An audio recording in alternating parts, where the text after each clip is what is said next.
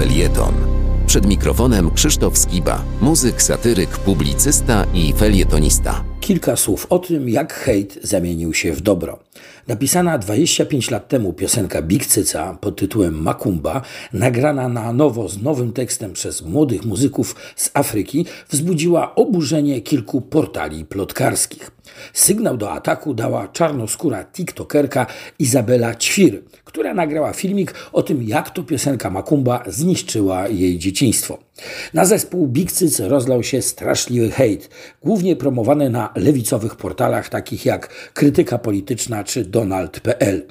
Warto być może wyjaśnić, po co w ogóle nagrano ponownie Makumbę.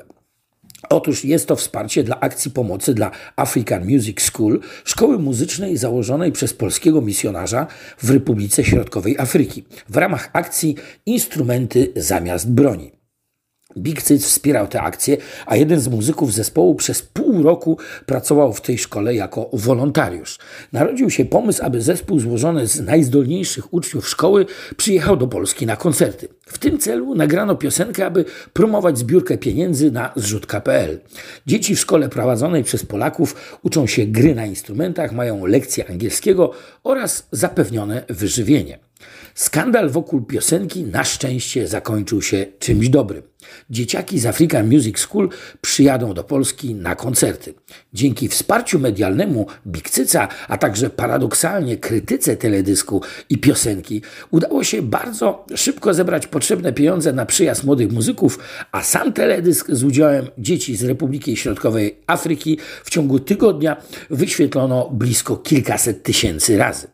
Okazuje się, że Polacy mają serce i potrafią pomagać. Nie lubią także być pouczani i strofowani przez fanatyków poprawności politycznej. Zarzuty dotyczące rasizmu czy neokolonializmu zostało, zostały masowo wyśmiane przez internautów i to nie tylko fanów Bikcyca. Warto w tym miejscu nadmienić, że standardy stosowane w USA, które próbuje się mechanicznie teleportować nad Wisłę, mają się nijak do historii i doświadczeń w Polsce. Polska nigdy nie była krajem kolonialnym, a jedyne niewolnictwo, jakie miało tu miejsce, to niewolnictwo pańszczyźnianego chłopa. Na szczęście dzięki rozgłosowi hejt szybko zamienił się w dobro. To chyba pierwszy przypadek w historii, że portale plotkarskie i słynące stryskania jadem gwiazdy internetu przyczyniły się nieświadomie do czegoś dobrego. Chciałbym niezwykle serdecznie podziękować wszystkim tym, którzy nakręcali aferę wokół piosenki, a szczególnie TikTok, TikTokerce Izabeli Ćwir i mądralom z kafe Latte Lewicy z portalu Donald, a także weteranom hejtu z Pudelka i Plotka. Dzieci z Africa Music School w odróżnieniu od Was mają talent i już niebawem pokażą to na koncertach. Co do oryginalnej wersji piosenki Makumba zespołu Big Cyt sprzed 25 lat, to przypomnę wszystkim ignorantom, że w 1996 roku otrzymała ona nagrodę ambasadora Nigerii w Polsce za poruszenie tematyki antyrasistowskiej w zabawnej formie.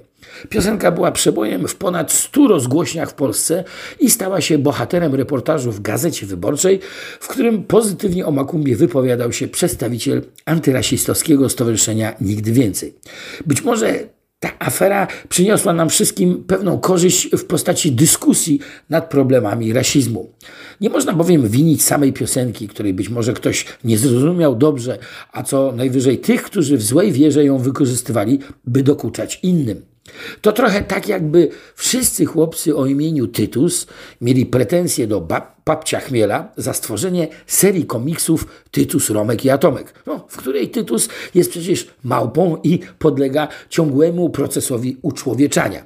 No, nikt już nie pamięta, że Tytus to dumne imię rzymskiego cesarza, a wszyscy wiedzą, że to zabawna małpka, która postanowiła być człowiekiem. Nie słyszałem jednak o skargach Tytusów do autora komiksu. No, co więcej, dzięki komiksowi stało się ono bardziej popularne, a nawet modne. A już nazywanie Bikcyca rasistami jest tak samo absurdalne jak nazywanie Władysława Frasyniuka komunistą, a Tadeusza Ryzyka liberałem.